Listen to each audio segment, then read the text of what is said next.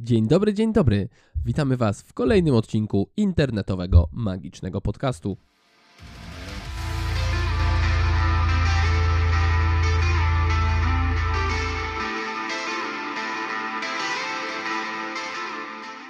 Dzisiaj w nieco zmienionym gronie, bo dzisiaj rozmawiam z Waszym ulubionym gospodarzem tego właśnie podcastu, Jędrzejem. Hej, hej, hej, dzień dobry wszystkim. Ja mam przyjemność e, być tutaj dzisiaj w towarzystwie wspaniałego mojego współprowadzącego, e, czy też jednego z prowadzących, czyli Patryka. To ja, jakbyście się nie domyślili. Ale domyśliliście się. Tak. Tak. Właśnie tak było. Tak było, nie, Nie kłamię. Ale, ale, o czym będziemy dzisiaj rozmawiać? Ale, ale to nie jest chyba szybka seria. To nie jest szybka seria, więc będziemy rozmawiać powoli, dokładnie. Tak. Zastanowimy się nad tematem, choć jak się dowiecie jaki jest, to podejrzewam, że i tak nic z tego nie, nie wyciągniemy, bo dzisiaj porozmawiamy sobie na temat tego, że wiemy, że nic nie wiemy. E, Brzmi troszeczkę enigmatycznie, e, ale ci z Was, którzy być może e, mieli taki kiedyś przedmiot w szkole jak język polski, kojarzą te sentencje i autora tych słów, czyli ateńskiego filozofa Sokratesa. Wydaje mi się, że każdy, kto ukończył szkołę podstawową, albo nawet jeszcze nie do końca ją ukończył, już wie, kim był Sokrates. I zdanie wiem, że nic nie wiem, choć on prawdopodobnie nie mówił tego po polsku, każdy z nas zna. Tak, pewnie nie było wypowiedziane to po polsku, ale i też nie wiadomo, czy on wypowiedział te słowa dosłownie, ale jego nauczanie jakby symbolizowało taką pos- postawę. E, dla tych osób, które nie wiedzą, Sokrates był jednym z ateńskich filozofów, który żył w wieku V przed Chrystusem. I ogólnie rzecz biorąc, to zdanie trochę przypomina mi filozofię Zen, e, czy trochę też Tao, gdzie wrzucało się skorupie żółwia do ogniska i na podstawie jej pęknięć decydowano, bo miało to taki sam sens, jak decydowanie na podstawie twardych danych. Zen wyniosło to później do rzucenia kijkiem, który spadał i na podstawie tego, jak upadł kijek, decydowali, bo wiedzieli, że i tak nigdy nie będą wiedzieli wszystkiego, więc równie dobrze można decydować na podstawie czegokolwiek. Ale tutaj będzie to miało troszkę inny sens, bo czerpanie właśnie z tej sokratejskiej sentencji może bardzo dużo nam dać a propos magii. Tak, dokładnie, bo e, nie wiem, czy pamiętacie, ale jakoś w pierwszym sezonie, bardzo dawno temu, ponad rok temu bodajże, nagrywaliśmy z Patrykiem taki odcinek jak Droga rozwoju w magii, gdzie prezentowaliśmy dwie różne e, ścieżki rozwoju, czy też dwa różne początki magicznej ścieżki, gdzie przykładowo ja zaczynałem od tego, że jakby sam trafiłem na te wszystkie magiczne zagadnienia i samodzielnie zgłębiałem te treści, natomiast Patryk miał tam na początku e, wsparcie w postaci e, brata iluzjonisty. No ja się miałem po prostu I- łatwiej, powiedzmy to szczerze. Nie, to nie tak. By, by inaczej. Po prostu miałeś inaczej. E, tak, i rozróżnialiśmy tam dwa różne typy e, rozwoju magicznego. Możecie oczywiście wrócić do tego odcinka, do czego Was serdecznie zachęcamy, bo to jest nasz taki, chciałem powiedzieć, bestseller, ale mm, najczęściej odsłuchiwany odcinek. E, I tam możecie właśnie posłuchać o rozwoju magicznym ze względu na inny start. Natomiast dzisiaj myślę, że ten temat rozwoju magicznego będziemy gryźć z innej strony. Przyglądać mu się może lepiej brzmi. Na pewno złapiemy go na późniejszym etapie, bo jeśli chcemy zajmować się czymkolwiek tak naprawdę, to musimy zaakceptować możliwość rozwoju. Co dla niektórych wydaje się oczywiste, aczkolwiek z naszych spostrzeżeń wynika, że no nie jest tak dla wszystkich. Nie wszyscy akceptują to, że można się rozwijać, co więcej, że można się rozwijać zawsze. Więc powiedzmy sobie szczerze, kiedy podchodzimy do magii, warto przyjąć postawę ucznia. I postawę ucznia chodzi mi tutaj o to, że zawsze możemy dowiedzieć się czegoś. Nigdy nie wiemy wszystkiego i za każdym rogiem może się czaić jakiś taki mały kawałeczek wiedzy, który może nas troszeczkę popchnąć do przodu.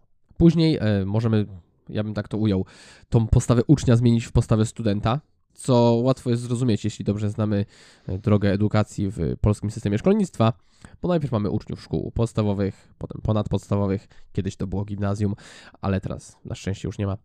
I potem jest też szkolnictwo wyższe, gdzie uczniów nazywa się już studentami.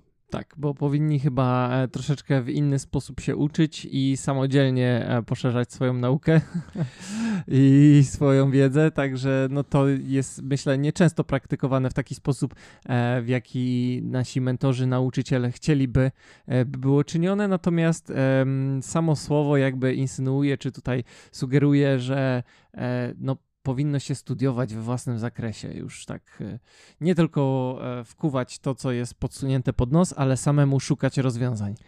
Tak, i mówimy tutaj oczywiście też, możecie korzystać z pomocy nauczycieli, z pomocy źródeł, z pomocy tych nauczycieli, którzy napisali książki, z którymi inaczej nie moglibyście porozmawiać, bo jednak student to nie do końca naukowiec, bo naukowiec poznaje ten świat niezbadany i stara się go opisać.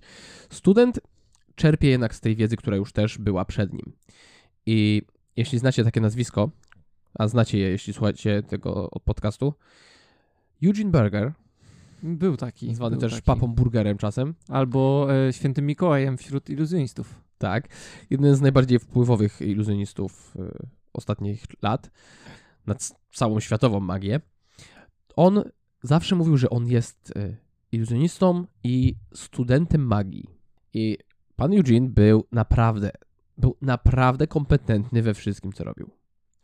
Znał się bardzo dobrze na tej całej magii. Uczył. I to nie tylko tak, że a tam komuś coś powiedział i się podzielił jakimś pomysłem. Nie, nie, nie.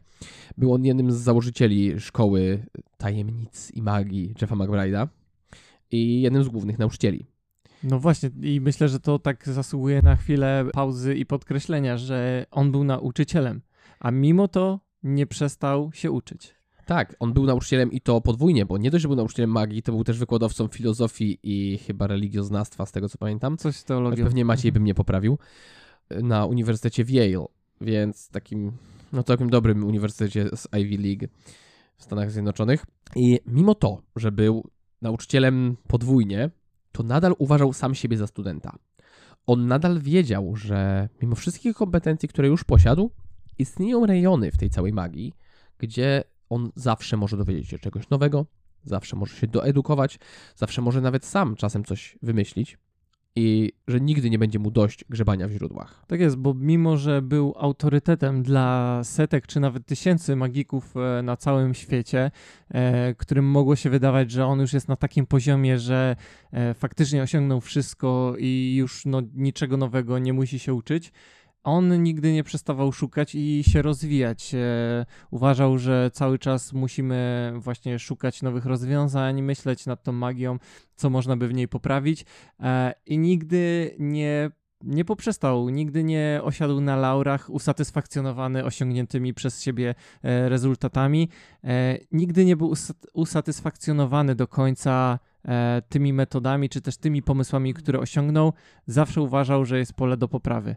I to właśnie było takie wyjątkowe, że mimo iż był nauczycielem i mógłby, nie wiem, wie, wielu osobom wydawałoby się, że już jakby mógł tylko tą wiedzę przekazywać i już sam nie przyswajać, on nie poprzestał. To samo zresztą dotyczy się pana Jeffa McBride'a, o którym przed chwilą wspomnieliśmy, w którego szkole wykładał i uczył pan Eugene. On też cały czas się uczy, on też cały czas się rozwija jego kariera występowa już nie jest taka jak kiedyś, kiedy to jeździł po całym świecie i naprawdę on występował wszędzie, gdzie się dało, ale on ucząc nadal sam się uczy. On nadal się rozwija, poszukuje ciekawych sposobów, ciekawych metod myślenia o magii i cały czas stara się być coraz lepszy, bo nie tylko jako magik musi on być lepszy, jak każdy z nas, ale on też chce być lepszy jako nauczyciel. I żeby być coraz lepszym jako nauczyciel, musi założyć, że nie wie wszystkiego że nie zjadł wszystkich rozumów, bo jeśli założymy coś takiego, blokujemy sobie drogę do tego, żeby poznać coś więcej, żeby być coraz lepszymi. Jasne, to może być fajne uczucie, kiedy patrzymy na siebie w lustrze i myślimy, ha, jestem gotowym, skończonym artystą, mam autorytet, jestem wspaniały, moi widzowie mnie uwielbiają. Ale tak naprawdę stawiamy się przed ścianą, no i dalej nie pójdziemy. Sami zamurowujemy przed sobą drzwi, przez które moglibyśmy przejść i poznać ten nieodkryty jeszcze świat. Dokładnie, a zdawać by się mogło, że w zasadzie wielu e, wykładowców akademickich, czy też właśnie profesorów, no gdzieś kiedy kończy się powiedzmy w nich ten zapał czy ta pasja e, do danej dziedziny, e, właśnie w pewien sposób hamuje czy też zatrzymuje swój rozwój i no, przekazuje tą wiedzę, którą e, zgromadzili dotychczas, ale już nie aktualizują swojej bazy informacji, nie szukają nowości, nie, no nie, nie aktualizują tej swojej bazy danych, przez co po prostu wyzbywają się tej wiedzy, którą nabyli dotychczas, ale nie poszerzają, nie aktualizują, nie jest to świeże i no już sami po prostu się nie rozwijają. No w pewien sposób są po prostu zadowoleni z tego, co mają to nie jest chyba za dobre podejście, czyż nie? Moim zdaniem jest to bardzo złe podejście i jeśli ty, nasz drogi słuchaczu, traktujesz sam siebie jako ucznia i chcesz się rozwijać w tej całej magii, to przede wszystkim to jest bardzo dobre podejście, bardzo korzystne dla ciebie, dla twoich widzów i dla twojej przyszłej kariery, ale jeśli bierzesz sam siebie za ucznia, to skąd się uczysz? Uczysz się z wykładów, uczysz się z książek, może uczysz się nawet osobiście od innych iluzjonistów. Mentora jakiegoś. Mentorów, dokładnie. I jeśli tak, to musimy zwrócić Ci uwagę na coś bardzo ważnego. Spójrz na swojego nauczyciela, posłuchaj go i zwróć uwagę na jedną bardzo, bardzo ważną rzecz. Bo jeśli Twój nauczyciel wychodzi z założenia, że on wie wszystko i on ma odpowiedzi na wszystkie pytania, które możesz mu zadać, to najprawdopodobniej jest złym nauczycielem. Istnieje taka całkiem spora szansa, że faktycznie nie będzie to dobry nauczyciel, e, ponieważ faktycznie może wskaże on tobie jakąś słuszną drogę rozwoju, wskaże ci kilka takich powiedzmy dróg na skróty, kilka da ci przydatnych wskazówek. No ale cóż, on sam już poprzestał w swoim rozwoju i uważa, że nic więcej nie ma, a jak wiemy, wiedza jest niemal nieskończona, więc... E, wiedza jest nieskończona. Wiedza jest nieskończona, tak, możemy to chyba jedno, jednogłośnie powiedzieć. Tak. I właśnie wszyscy, którzy doszli tam do pewnego jakiegoś takiego poziomu zaawansowania, e, siedzą w jednej dziedzinie dość długi czas, zdają sobie sprawę właśnie z tego ogromu, e, z tego, że nadal pojawiają się nowości, że cały czas są prowadzone, nie wiem, czy też nowe badania, czy też e, wiedza jest poszerzana, bo każdy e, pracując na własną rękę odkrywa nowe rzeczy i ludzie dzieląc się między sobą, jakby poszerzają cały czas dostępną ilość wiedzy w tej dziedzinie. I naprawdę każda z dziedzin, nie wiem, myślę, artystycznych czy też naukowych, z dnia na dzień, nawet z godziny na godzinę, e, aktualizuje się o coraz to nowsze informacje.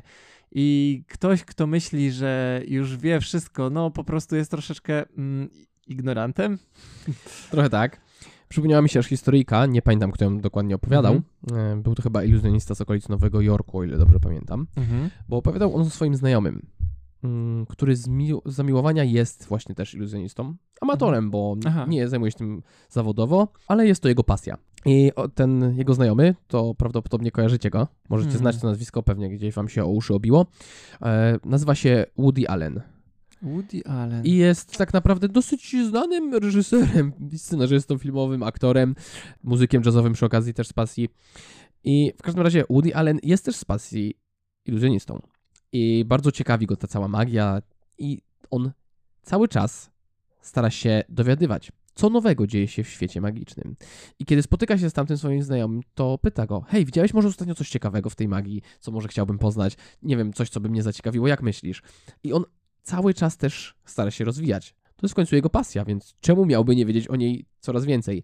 Mimo, że w karierze to swojej filmowej, tej głównej, osiągnął praktycznie wszystko, co mógł, w karierze muzycznej też jest absolutnie znany i wszyscy chcą go słuchać, to on nie skończył się rozwijać. Tak, i to jest też chyba ciekawe właśnie, że mimo, że jego jakby głównym polem e, do popisu, czy też jego główną dziedziną, którą się zajmuje, e, jest sztuka filmowa, to właśnie widać po nim, że jest takim otwartym artystą i stara się e, po prostu może przetransponować w pewien sposób e, jakieś nowości, czy też e, jakieś emocje może odczuwane m, dzięki jakiejś konkretnej sztuce e, przetransponować na inną dziedzinę. I, I tak samo właśnie też czytałem kiedyś jakiś wywiad chyba z nim samym, gdzie mówił, że oglądając magię też zastanawia się, jak można by oddać takie magiczne uczucie poprzez e, pokazanie jakiegoś konkretnego obrazu w filmie, czy też stworzenie jakiegoś konkretnego świata. E, I wiadomo, że ciężko jest prze te emocje jeden do jeden, ale myślę, że właśnie będąc, mając taką otwartą głowę i szukając nowych rozwiązań, można stworzyć w swojej dziedzinie coś takiego faktycznie nowatorskiego, e, eksperymentując e, i po prostu sprawdzając różne nowe rozwiązania. No myślę, że to jest cecha takich ludzi, których uznajemy właśnie za kreatywnych, że nie boją się szukać nowych rozwiązań, nie boją się spędzić e, nawet absurdalne ilości czasu eksperymentując, bawiąc się jakimiś pomysłami, które mogą ostatecznie nawet nie wypalić, ale jeśli przypadkiem uda im się coś faktycznie zaimplementować do swojej dziedziny, e, to może się okazać, że to będzie całkowicie nowatorskie, coś przełomowego i może przejdą w ten sposób nawet do historii. Chciałbym poruszyć jeszcze jeden temat, a propos czegoś, co już mówiliśmy, a propos podejścia do swoich nauczycieli, bo drogi słuchaczu, nie wiem dokładnie kim jesteś i jakie masz podejście do autorytetów, bo ja wiem z mojego podwórka, z mojego własnego umysłu, wiem, że mi podważanie autorytetów zawsze przychodziło naturalnie, co było, było dla mnie oczywiste, że każdy autorytet, każdy, kto wypowiada się z jakiejś troszkę wyższej pozycji, to o ile nie muszę z nim walczyć, co często też się zdarzało, to powinienem chociaż siebie zapytać, hej, czy on powinien mi to mówić, czy ja powinienem go słuchać? Nie wiem, jak to było u ciebie, Jędrzeju. No myślę, że tak, że jakby kwestionowanie tego, co e, mówi ci ktoś, nawet jeśli właśnie e, jest powszechnie darzony autorytetem, jest taką też ścieżką rozwoju, że gdybyśmy wszystko przyjmowali na wiarę, czy też na jak, za pewnik, bo mówi ta osoba obdarzona autorytetem, to byśmy też szybko zatrzymali się w swoim rozwoju. A zadając pytania i kwestionując właśnie to, co ktoś mówi, no myślę, że, że to jest e, jakby też e, bardzo wartościowe dla naszego rozwoju. I e, ja też tak tutaj chciałbym polecić przy okazji taką książkę Factfulness, którą czytałem w zeszłym roku. I tam um, autor Hans Rosling promuje taką ideę fact-checkingu, czyli by na własną rękę sprawdzać i kwestionować niektóre rzeczy, jakieś jakieś wyniki badań, statystyki. Jeśli coś nas zaintryguje, warto, żebyśmy sprawdzili to sami na własną rękę, a nie wierzyli ślepo właśnie w to, co ktoś mówi, yy, ślepo wierzyli w jakieś dane, wyniki badań i tak dalej. Jeśli coś nas naprawdę pasjonuje, warto, żebyśmy sami to sprawdzili i przekonali się na własnej skórze. Ja to polecam, e, tym bardziej, że ja stosowałem się do tego nieświadomie prawie całe życie, bo nawet w szkole podstawowej lubiłem się kłócić z nauczycielami i sprawdzać w podręcznikach, czy to, co mówią, się pokrywa z tym. Czy to są fakty autentyczne. Dokładnie tak. E, na studiach to miałem już pewne absurdalne e, kwestie z tym, ale to już dlatego, że dla mnie właśnie, tak jak mówiłem, podważanie autorytetów stało się wręcz religią.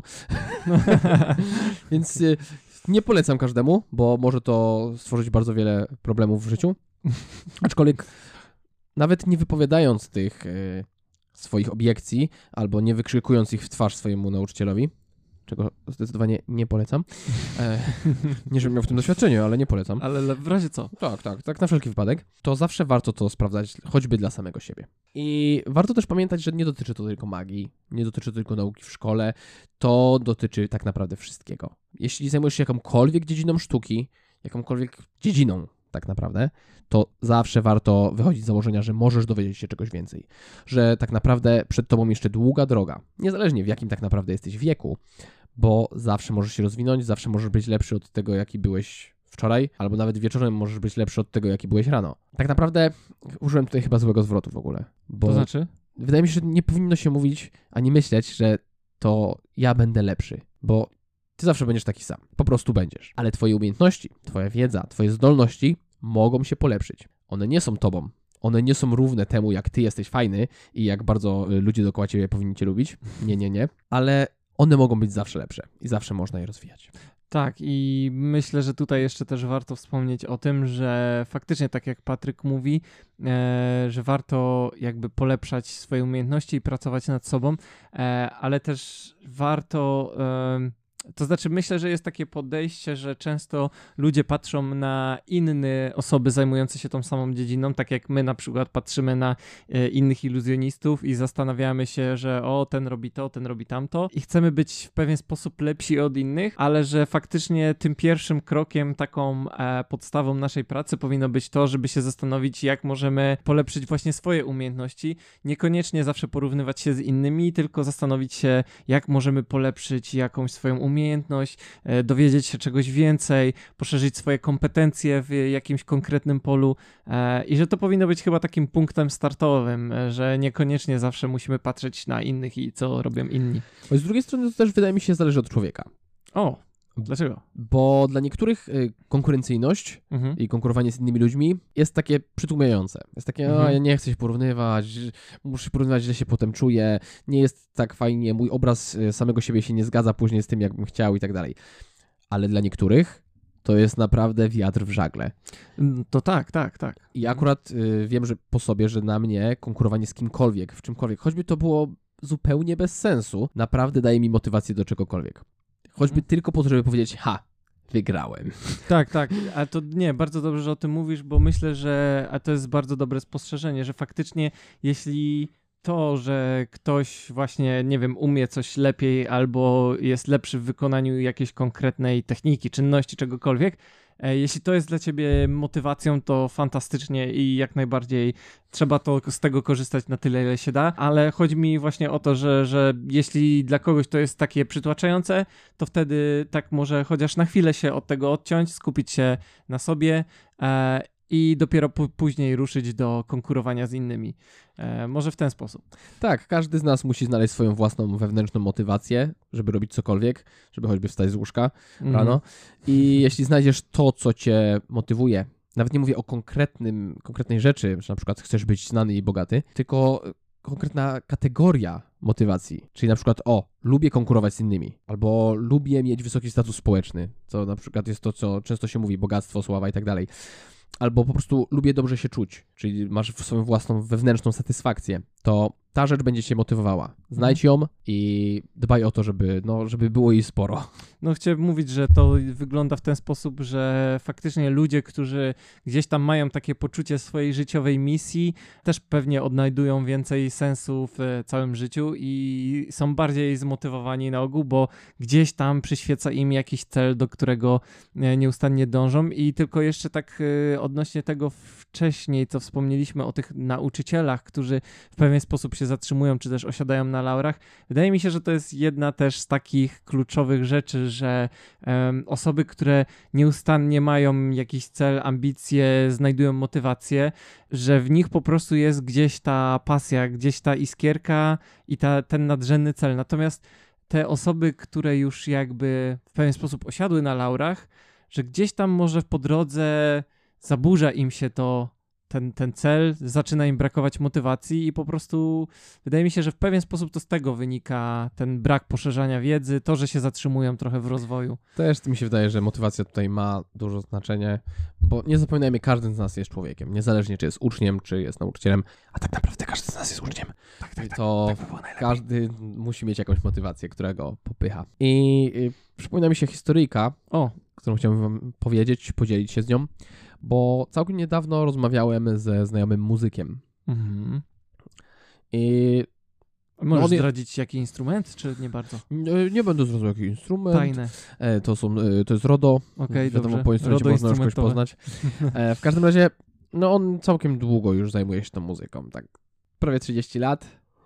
E, uczy też, ma jakąś szkołę dla dzieci i no grywał sporo z różnymi ludźmi w bardzo wielu sytuacjach, no zna się na tym. I tak rozmawiam sobie z nim o tej magii trochę, o tej muzyce i on mówi, że nie potrafi zrozumieć innej rzeczy, bo on siedzi już te swoje lata w tej muzyce i czuje jakby dopiero lekko poskrobał powierzchnię. Jakby dopiero teraz tak naprawdę zaczynał się uczyć tego, o co w tym chodzi, po co to jest i jak się to robi. I nie rozumie, jak po kilku latach studiów, tam sześciu chyba, plus kilka lat praktyki, ludzie mogą zostać lekarzami i brać czyjeś życie w swoje ręce.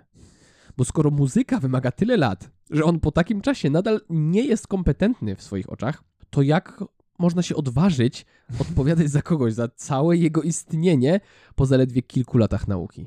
No tak, bo muzyka jakby no nie jest, nie jest błaha, ale no jednak nie bierzemy odpowiedzialności za czyjeś życie. Tak, Aha, wiadomo, tutaj- były sytuacje, że muzyka czyjeś życie uratowała, Mhm. ale tak bardziej psychologicznie. Tak, tak. I wydaje mi się, że to jest idealne podejście do tego, bo to w tym jest taka skromność, którą, e, przed którą nawet nie musimy się przyznawać przed swoimi znajomymi, przed światem, ale musimy ją mieć sami w sobie, wobec siebie i tej dziedziny, którą się zajmujemy. No myślę, że taka pokora e, związana z tym, że zdajemy sobie sprawę, że tak naprawdę e, zarysowaliśmy powierzchnię dopiero, to jest bardzo ważne, ponieważ no, to pozwala nam dążyć dalej, sięgać może trochę e, głębiej.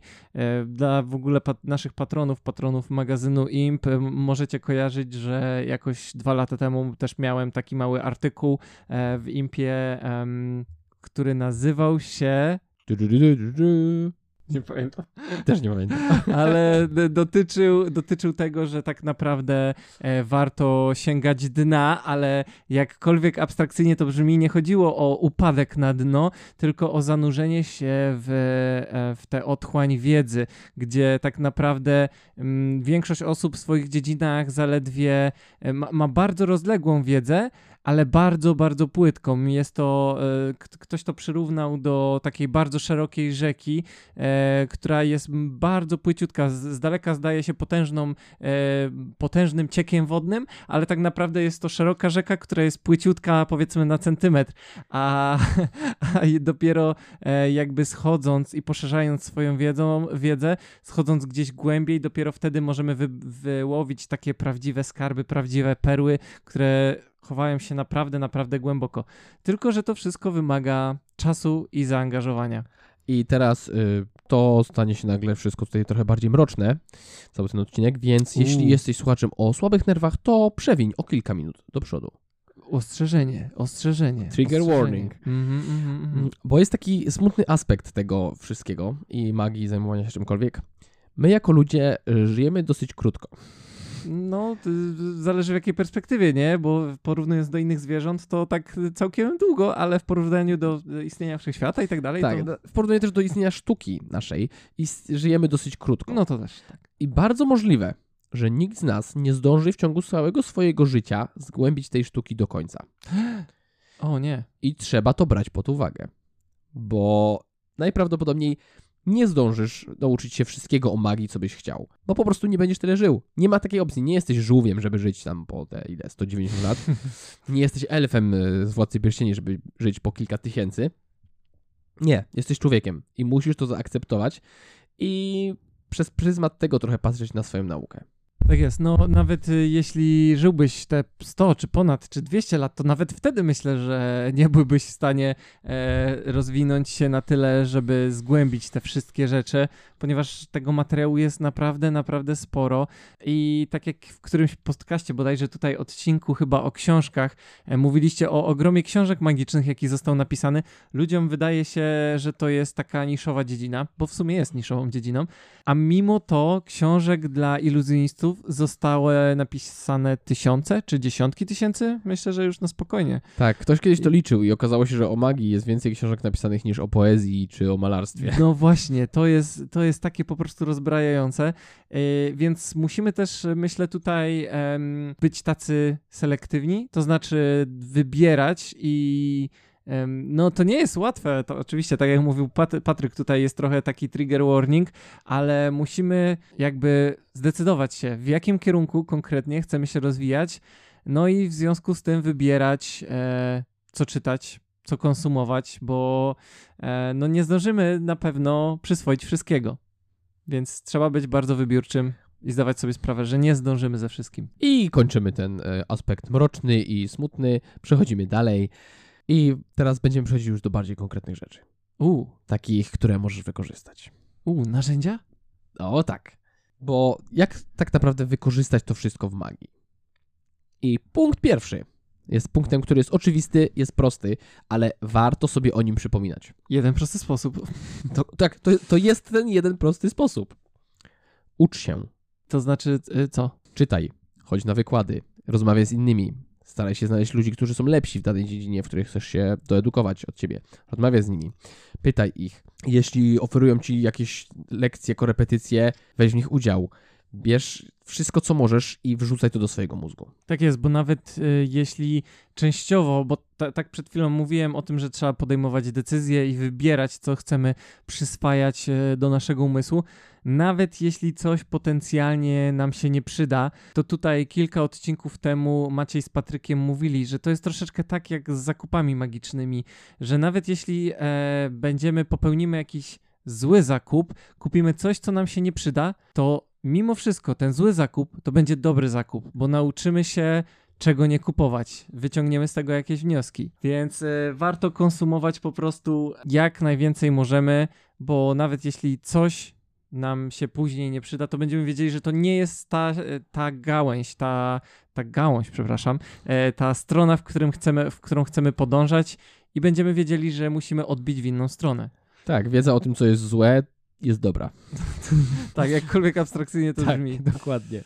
Więc skoro wiesz już, że warto się uczyć, to punkt drugi, i to jest punkt, który dotyczy nas jako magików bardzo, więc jeśli nie jesteś magikiem, to teraz przewiń o kilkadziesiąt sekund do przodu. Pamiętaj, że zawsze może znaleźć się lepsza metoda na to, co właśnie robisz. Ta metoda, którą znasz, którą lubisz, którą kochasz, ona może być dobra. Ba, ona może być nawet zadowalająca dla wszystkich. Ale jest szansa, że gdzieś tam istnieje lepsza metoda, lub jeśli nawet nie istnieje, to jest szansa, że ją wymyślisz. Tak jest. Ja w ogóle pamiętam, że kilka lat temu na Blackpool Magic Convention, o którym słyszeliście już tutaj nieraz, kupiłem od jednego z iluzjonistów, konkretnie Erika Jonesa, e, jego booklet, czyli taką książeczkę z jego pomysłami, która nazywała się właśnie Never Satisfied. E, I główną ideą było to, że każdy z pomysłów był rozwinięciem jednego z jakby klasycznych e, efektów magicznych, gdzie autor stwierdził, że kurczę, fajny jest zamysł, fajny, fajny jest jakby wygląd tego, tego efektu magicznego, ale myślę, że można by coś było w nim poprawić. I autor zachęcał też tam do, do takiego eksperymentowania, do zastanowienia się zawsze, co tu by jeszcze można poprawić i do tego, by nigdy nie spoczywać na laurach. Nawet jeśli ta metoda, którą mamy, wydaje się perfekcyjna. Zawsze jest pole do poprawy. I właśnie użyłeś tu bardzo ciekawego słowa. Mianowicie? Perfekcja. Odniesiemy się tutaj do teorii pewnego iluzjonisty, którego na pewno kojarzycie. Pan Tommy Wonder, który napisał wspaniałe książki Books of Wonder, zawarł tam swoją teorię właśnie o perfekcji. I on powiedział, że dążenie do perfekcji jest trochę jak wchodzenie na górę. Kiedy że wchodzisz i wejdziesz? Właśnie to też, ale y, wchodzisz sobie na tą górę i na szczycie widzisz tą perfekcję. Dochodzisz, dochodzisz, dochodzisz i nagle wchodzisz na szczyt. I okazuje się, że ta perfekcja wcale nie jest na tym szczycie to był jeden tylko szczyt, a za nim znajduje się wyższy, który był przesłonięty przez tą górę, na którą wchodziłeś. Więc musisz teraz zejść troszkę w dolinkę i wejść na kolejną górę, żeby dotrzeć do tej perfekcji. I co wtedy? I wtedy osiągasz perfekcję. Tak, uh. tak, właśnie tak w takim celem wyruszasz. Mhm. Schodzisz w dolinę, wspinasz się znowu, wchodzisz na szczyt i nagle okazuje się, że za tym szczytem jest kolejny szczyt, który był przesunięty przez ten wcześniejszy, już drugi szczyt. O nie. I to na tamtym jest ta perfekcja. O nie. Więc co? Schodzisz w dolinę, wchodzisz na kolejny szczyt. I o dziwo, tak, Co? wiem, że się tego spodziewasz, nie. wchodzisz na szczyt, a tej perfekcji tam nie ma. Jak bo, to? Bo okazuje się, że za tym szczytem był kolejny szczyt. O nie! Był przesunięty przez ten trzeci. I, I, I, tych szczytów jest pięć. I potem już wchodzisz i osiągasz perfekcję. No właśnie nie, bo potem Jak jest szósty, to? jest siódmy, jest ósmy. I tych szczytów jest nieskończoność. Czyli taka odwrócona ósemka. Trochę tak. Taka na bok przewrócona. taka na bok. Kiedy już miałeś dość przy tym ósmym szczycie i go przewróciłeś na bok. Nie, prawda jest taka, że do perfekcji można i należy dążyć. Dążyć aczkolwiek tak naprawdę nigdy jej nie osiągniemy. To może być trochę smutne, aczkolwiek za każdym krokiem, który podejmujemy, jesteśmy do niej bliżej. A im bliżej, no, to tym lepiej. Wiadomo. Wiadomo, sorry, taki mamy klimat.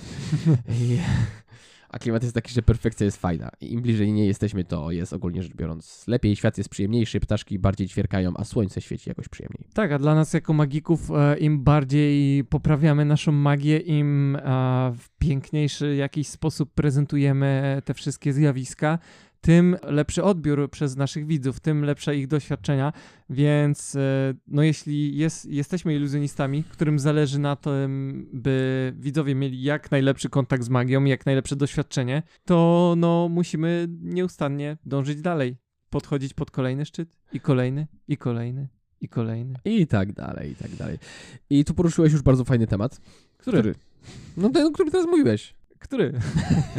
Nie, bo y, jeśli jesteś magikiem, to wiesz, że na magię nie składają się tylko metody, sekrety i inne różne ustrojstwa. Na magię składa się też prezentacja. Mm. I każdy z nas ma swoje sposoby prezentowania, każdy z nas ma swoje ulubione prezentacje swoich ulubionych numerów.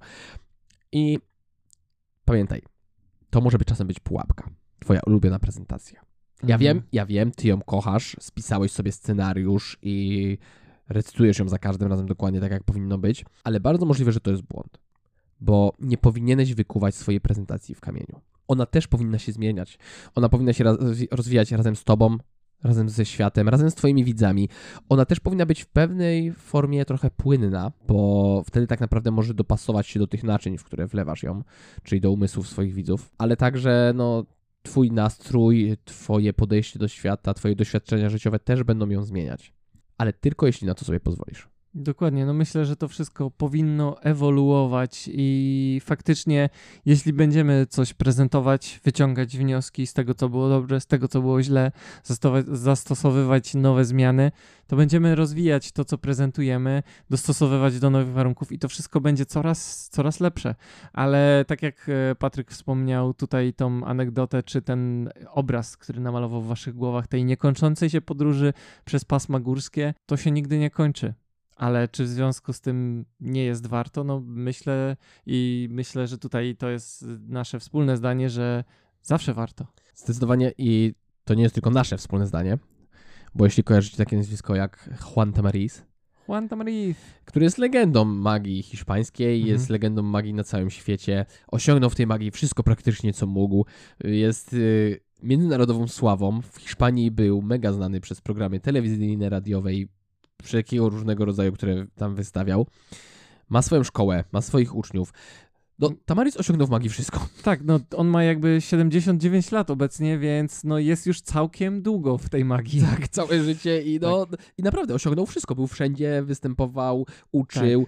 Każdy praktycznie iluzjonista na świecie patrzy na niego e, Jak na autorytet. jak na autorytet, no żeby nie powiedzieć jak na boga magii, ale no chyba możemy tak powiedzieć. Ale w, przepraszam, szybko wtrącę anegdotkę, że w, w piątek, e, kiedy rozmawiałem w jednym pubie, e, pokazując komuś magiczne efekty, e, pan był z Ameryki i był zachwycony w ogóle światem iluzjonistów i kiedy rzuciłem nazwisko Juan Tamariz, to od razu powiedział, a oczywiście znam, on jest takim jakby waszym bogiem, także to były jego słowa, laika, który interesował się magią. Tak, i miał trochę racji. No. I czemu przytaczamy tutaj właśnie pana Juana? Bo on ciągle się uczy. Ciągle. On ma 79 lat i praktycznie całą drogę magiczną za sobą. Mhm. On, Znaczy, no on właśnie. wymyślił pojęcie magicznej drogi, tak trochę opisał je. No tak. I on nadal się uczy. On nadal jest studentem. On nadal chce poszerzać swoją i nie tylko swoją wiedzę. On chce, żeby ta magia szła do przodu i poświęca swój czas właśnie na to, żeby ją eksplorować, odkrywać, poznawać jeszcze lepiej. Mimo, że tak naprawdę on mógłby już sobie siąść, Tak. oprzeć się w fotelu i patrzeć, jak słońce świeci na zadowolony z siebie wszechświat Sącząc e, hiszpańskie wino, i jedząc pyszne hiszpańskie jedzenie, jak to mówią wszyscy goście, którzy do niego przychodzą. Tak, pewnie, ta, pewnie tak by mogło być, ale nie, on właśnie nieustannie i to też nie jest tak, bo mo- mogłyby krą- krążyć legendy, ale po prostu do niego ciągle, nieustannie przyjeżdżają nowi to uczniowie, którzy mówią, że on spędza po prostu regularnie, po kilka godzin dziennie czas z talią kart, z jakąś książką magiczną, eksplorując nowe terytoria, nowe pomysły. Nie zatrzymuje się, mimo swojego wieku, nie zatrzymuje się. ani na chwilę. I to wszystko wydaje się może fajne, bo ma fajny cel. Tylko, że też, jak tak nas słuchasz, to pewnie masz wrażenie, czego oni ode mnie chcą. Mm. Przecież to jest tyle pracy, tyle tego wszystkiego trzeba robić. No, no nie chce mi się. No właśnie. Jędrzeju, chce ci się uczyć, chce ci się rozwijać? Czasami sobie myślę, że mi się nie chce, ale potem mi się zachciewa. I też tak czasem mam, że czasem mam dość. Aczkolwiek to jest coś, co już kiedyś mówiłem, chociaż nie wiem, czy na podcaście. Moją chyba największą pasją w życiu jest uczenie się i uczenie się nowych umiejętności, poznawanie czegoś i tak dalej. I wydaje mi się, że to jest bardzo ważne i to jest coś, co mi pomaga niezwykle mocno w tej całej magii, bo cieszę się tym. Każda rzecz, której się uczę, każda książka, którą przeczytam, każda nowa metoda, którą poznam, daje mi pewną satysfakcję, daje mi radość i sam ten proces nauki jest dla mnie przyjemny dzięki temu. I wydaje mi się, że to jest no dosyć kluczowe, żeby się cieszyć tym, żeby właśnie czerpać radość. Dokładnie, no to, to, to tak jeszcze referując do samych początków, to tak jak wspominaliśmy, że e, ta pasja, czy też to zacięcie, to myślę, że faktycznie kiedy spędzamy nad czymś czas, by przyswoić jakieś konkretne informacje, to jest kluczowe, że no musimy, musi to dawać nam pewnego rodzaju spełnienie, pewnego rodzaju radość, bo, bo bez tego cóż, byłoby smutno. I myślę, że faktycznie wtedy można nie mieć motywacji, ale jeśli ktoś nie ma motywacji do zgłębiania czegoś, no to myślę, że warto zadać sobie pytanie, to w takim razie po co się tym zajmujesz, jeśli to nie sprawia ci radości? No to jest bardzo ważne pytanie. Co więcej, to jest to pytanie, które y, często nam też było zadawane przez różnych ludzi. Y, jak znaleźć sobie chęć do nauki tej całej magii? Bo no jakoś właśnie. nie czuję ostatnio pasji i nie chcę tego. Bez tego to Bez tego będzie ciężko. Jak ją znaleźć? Tego ci nie powiemy. Bo to jest no tak. niepowtarzalne dla ciebie tak naprawdę. Ale jeśli nie daje ci to radości, to po co chcesz tego szukać? Dokładnie. Po co szukać drogi do czegoś, co tak naprawdę nie jest dla nas przyjemne? Tak, może dla ciebie przeznaczona jest inna ścieżka. Może w czymś innym byś się bardziej odnalazł, w jakiejś innej dziedzinie. Może zbieranie znaczków pocztowych. Może... A może po prostu potrzebujesz chwili oddechu i odpoczynku. Może tak. Bo może się tak zdarzyć, że coś cię przytłoczy, a w życiu tych rzeczy no, jest więcej niż tych fajnych i miłych, więc czasem po prostu trzeba dać sobie chwilę na odpoczynek, popatrzeć na piękny krajobraz, pooddychać. Tak, ja nawet w tym temacie zawsze mówię, że e, przytaczam taką anegdotkę, którą usłyszałem kiedyś od jednego z najlepszych e, iluzjonistów, jakich znam, czyli e, Davida Williamsona, e, który jest absolutnie genialny i który opowiadał, że po kilkunastu czy kilkudziesięciu latach zajmowania się magią profesjonalnie, występowania non-stop, cieszenia się tą magią, nagle po prostu stracił ten zapał, stracił To jest jedna z moich ulubionych historii. Tak, i, i po prostu, no, nie, nie, kiedy nie czuł tej radości, zajął się czymś innym. Zajął właśnie, właśnie. Tak. Czym mógł się zająć gość, który całe życie poświęcił magii, występowaniu, rozbawianiu ludzi i to naprawdę rozbawianiu, bo David Williamson On jest, jest super. Niesamowity. E, czy, ja nie wiem, czy ja dobrze pamiętam, ale czy to było coś związanego z uprawą ogródka? Tak, David Williamson zrobił sobie ogródek i zaczął uprawiać rośliny. Tak. I spędzał każdy dzień uprawiając te swoje roślinki. I po dwóch tygodniach uprawiania ogródka siedzi tam sobie nad grządką i przychodzi do niego jego żona z szklanką wody i on podnosi się i mówi odkryłem swoją nową pasję. Już nie chcę robić ogródka. Będę robił coś zupełnie innego. Ona, tak? To czym się będziesz zajmował? Będę robił sztuczki z kartami. I David Williamson wrócił do magii. E, na całe szczęście. Tak. Ta historia jest super. Tak, tak. Także czasami być może każdy z nas potrzebuje jakiejś tam małej przerwy, faktycznie tak jak Patryk mówi, oderwania się i zmiany w ogóle, nie wiem, czy też otoczenia, czy zmiany myślenia, bo to czasami problem jest w nas, a nie w otoczeniu zewnętrznym. To zawsze problem jest w nas. Dobra, cicho, chciałem tutaj tworzyć grę pozorów. E, nieważne. W każdym razie tak, rzeczywiście czasem trzeba zrobić przerwę, trzeba odejść na chwilę i dlatego właśnie my zrobimy to samo. Tak jest. Zakończymy ten odcinek, pooddychamy chwilę i słyszymy się już za tydzień. Do usłyszenia. Cześć.